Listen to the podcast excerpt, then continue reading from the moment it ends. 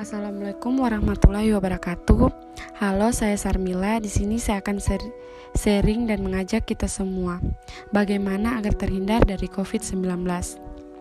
Teman-teman sekalian pasti sudah tahu bagaimana bahaya virus COVID-19 ini, mulai dari penyebarannya hingga gejala-gejala yang kita alami saat terpapar COVID-19.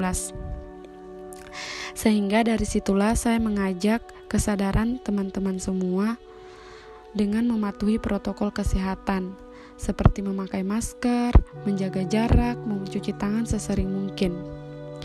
Dan yang paling penting, hindari kerumunan. Karena kesadaran dimulai dari diri kita masing-masing. Agar kita bisa melindungi orang-orang terdekat kita dan mari kita selalu berdoa agar pandemi ini segera berakhir. Stay safe ya. Salam sehat dari saya. Wassalamualaikum warahmatullahi wabarakatuh.